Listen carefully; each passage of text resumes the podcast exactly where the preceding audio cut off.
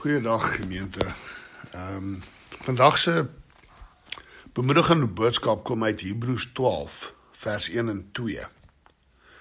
En in Hebreërs 12 vers 1 en 2 kry ons vyf riglyne om geestelik fiks te bly.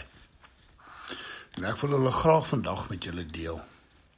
As ons gaan kyk na Hebreërs 12 vers 1 tot 2, die hoofstuk is die oog moet op Jesus gefestig wees.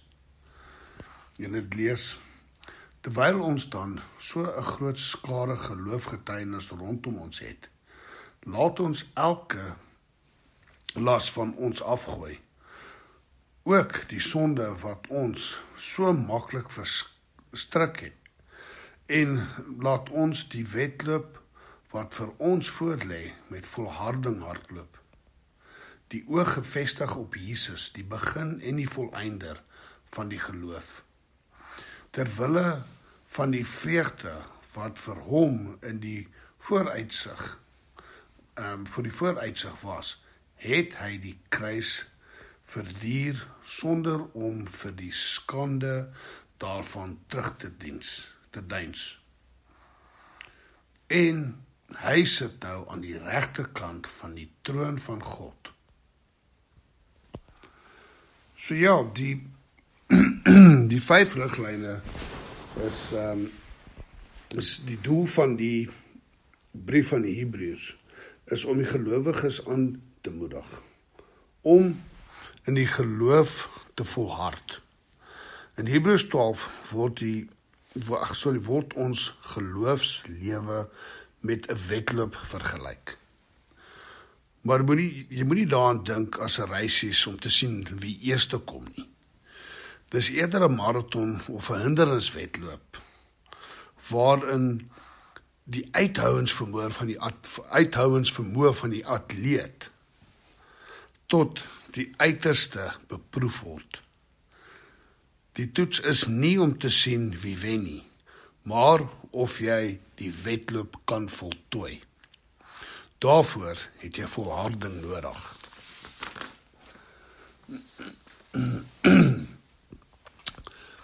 So die eerste riglyn is om die skare om jou raak te sien.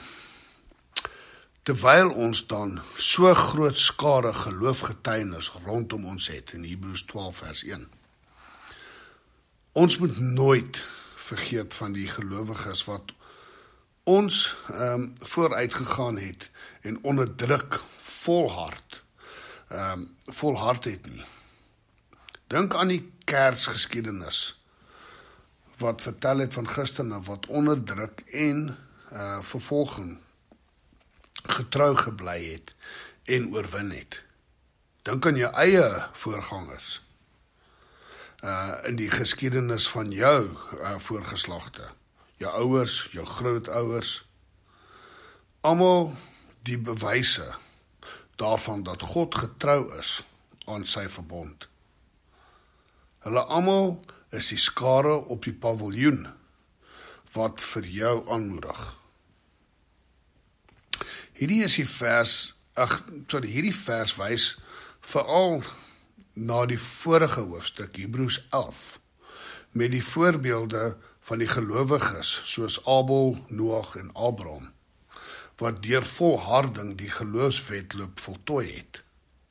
As jy mooi gaan kyk na die name, sal jy sien dit is nie volmaakte mense nie, maar gewone sondaars soos ons wat deur die genade van God die wenpaal gehaal het.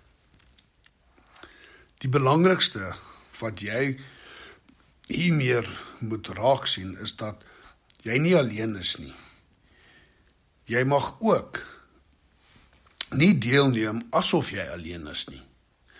Jy het uh medegelowiges wat saam met jou wat saam met jou hardloop.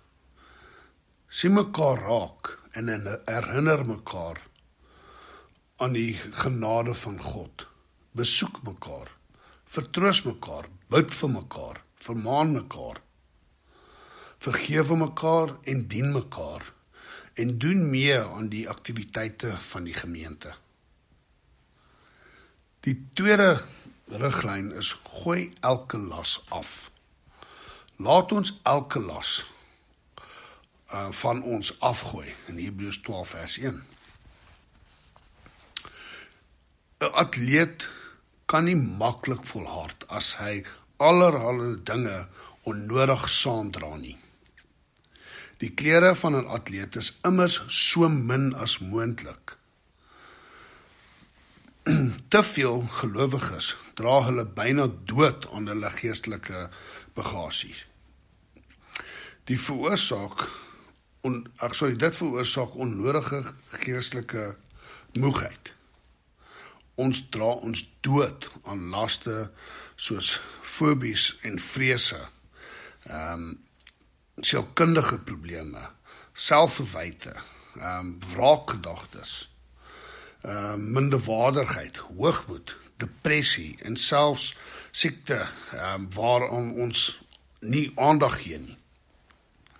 Jy moet aandag gee aan jou geestelike gesondheid. Gaan met jou bekommernisse na die Here toe en vervang dit met vertroue op God. Laat jou deur die woord van God lei om jou laste af te gooi. Vergewe en verdra mekaar. En help mekaar met opbouende gees van geloof. Christus het gelei en weet wat swaar kry is. Maar kyk vorentoe en deur sy volharding het hy die wenpaal bereik. So ook die skare wat ons reeds uh, vooruit gegaan het. Jou derde las, ag sorry, jou derde riglyn is uh gooi die sonde af. Ook die sonde wat ons maklik verstrik. So ook in Hebreërs 12 vers 1. As jy dan jou la, jou laaste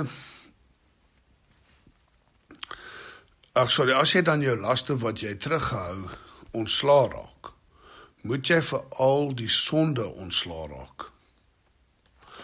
Ons leef in 'n wêreld vol versoekings en is ge, gebore sondaars. Stry stry teen jou sonde deur te glo dat jy daarmee kan ophou. Moenie egter ehm um, die verskoning vir eh, vir uh, weg agter die uh, verskoning wegkruip dat jy maar net 'n mens is nie. Dan het jy klaar begin verloor. Jesus Christus het ons van die mag van die sonde bevry. Stry teen die sonde deur jou eie sondes te identifiseer en voor God te bely In die plek van sondige gewoontes moet jy iets stel wat jou gedagtes op God rig. Vra jouself gedurig of ag af wat vir God en wat vir ag sorry wat vir God goed en reg en aanneemlik is. Ophou met sonde beteken dat jy al minder sonde doen. Bekering is daagliks nodig. Vra die Gees om jou te verander en jou denke te verneem en te vernuwe. Die vierde riglyn is hou vas. Laat ons die wedloop wat vir ons voorlê met volharding hardloop. Hebreërs 12 vers 2. Jy moet uithou en aanhou en jou Christelike beginsels vashou. Hou aan om in 'n verhouding met Christus, ag hou aan om in 'n verhouding met Christus te lewe. Moenie verwag dat die lewe maanskyn en rose is nie. Dit is 'n stryd teen veral verval en sonde en gebreke. Gebruik elke goeie dag om jouself voor te berei om swaar kry te kan hanteer. Die wedloop is jou hele lewe lank. Dit beteken dat jy die beste gebruik van die goeie tye moet maak en jou innerlik in jou innerlike kragte te versterk. Sorg vir jou geestelike fiksheid. Hou aan jou Bybel lees.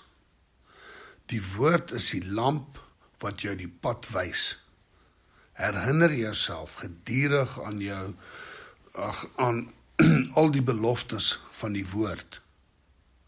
Moenie toelaat dat die teleurstellings van die lewe jou moed breek nie. Moenie uit selfbejammering moed opgee nie. Hou aan, volhard. Doen jou bes en weet dat God sy Heilige Gees aan jou gegee het om by jou te wees en jou langs hierdie pad te bemoedig en te vertroos. Ons kan deur die krag van die Heilige Gees met volharding hardloop. Die vyfde en die laaste ehm um, riglyn is fokus op die wenpaal. Die oog gefestig op Jesus, die begin volëinder van die geloof. Hebreërs 12 vers 2. Fokus op die wenstreep, die ewige lewe waar Jesus Christus staan. In terme van 'n wedloop is hy ons afrigter wat selfs ook die wedloop gehardloop en voltooi het. Hy het eerste gehardloop en eerste klaar gemaak. Volg in Jesus se spore en hou by die pad wat hy um, gebaan het deur sy dood aan die kruis. Fokus daagliks daagliks op Christus dat jy meer en meer vir die wêreld dood is en vir Christus lewe. Hy gee jou die wen resep. Deur sy ehm um, voorbeeld is ag in in oog te hou kry jy daagliks nuwe moed. Jy sal jou die krag gee. Sorry, hy sal jou die krag gee om tot die einde te volhard. Hou vas aan die belofte van Jesus in Matteus 24 vers 13. Maar wie tot die einde volhard sal gered word. Ons sluit die oop. Here ons sê so dankie, baie baie dankie dat U voor ons gegaan het, Vader. Here Jesus dat dat dat U daai wedloop klaar gehardloop het, dat U klaar die pad gewys het. Here, vergewe ons sondes. Ons bely dit vandag voor die Here en ons ons vra dat ja Here dat ons hierdie vyf riglyne soos sien die skare om jou raak. Gooi elke las af. Gooi die sonde af. Hou vas en fokus op die wenpaal. Gaan gebruik, Here, wat wat ons hier in Hebreërs 12 vers 1 en 2 gelees het vandag, Here, om om net aan U vas te hou en en aan U beginsels te te te lewe en en en net om in in U woord te wy. Here, help ons um, om hierdie wedloop te volhard om om net op U te fokus, Here en op ons medegelowiges, op ons skare, daai daai medegelowiges wat saam met ons deur hierdie wedloop gaan, Here. Help ons om mekaar te versterk deur hierdie tyd, Vader. Hierdie grendeltyd wat ons almal afkry, Here. Dit is gedeelte van van hierdie hindernisbaan waar ons moet deurgaan, Vader. En ons dankie dat U al reeds hierdie pad gehardloop het en en, en al klaar die ondervinding het om ons afrigter te wees om ons deur hierdie pad te lei en ons dankie in Jesus se kosbare naam. Amen.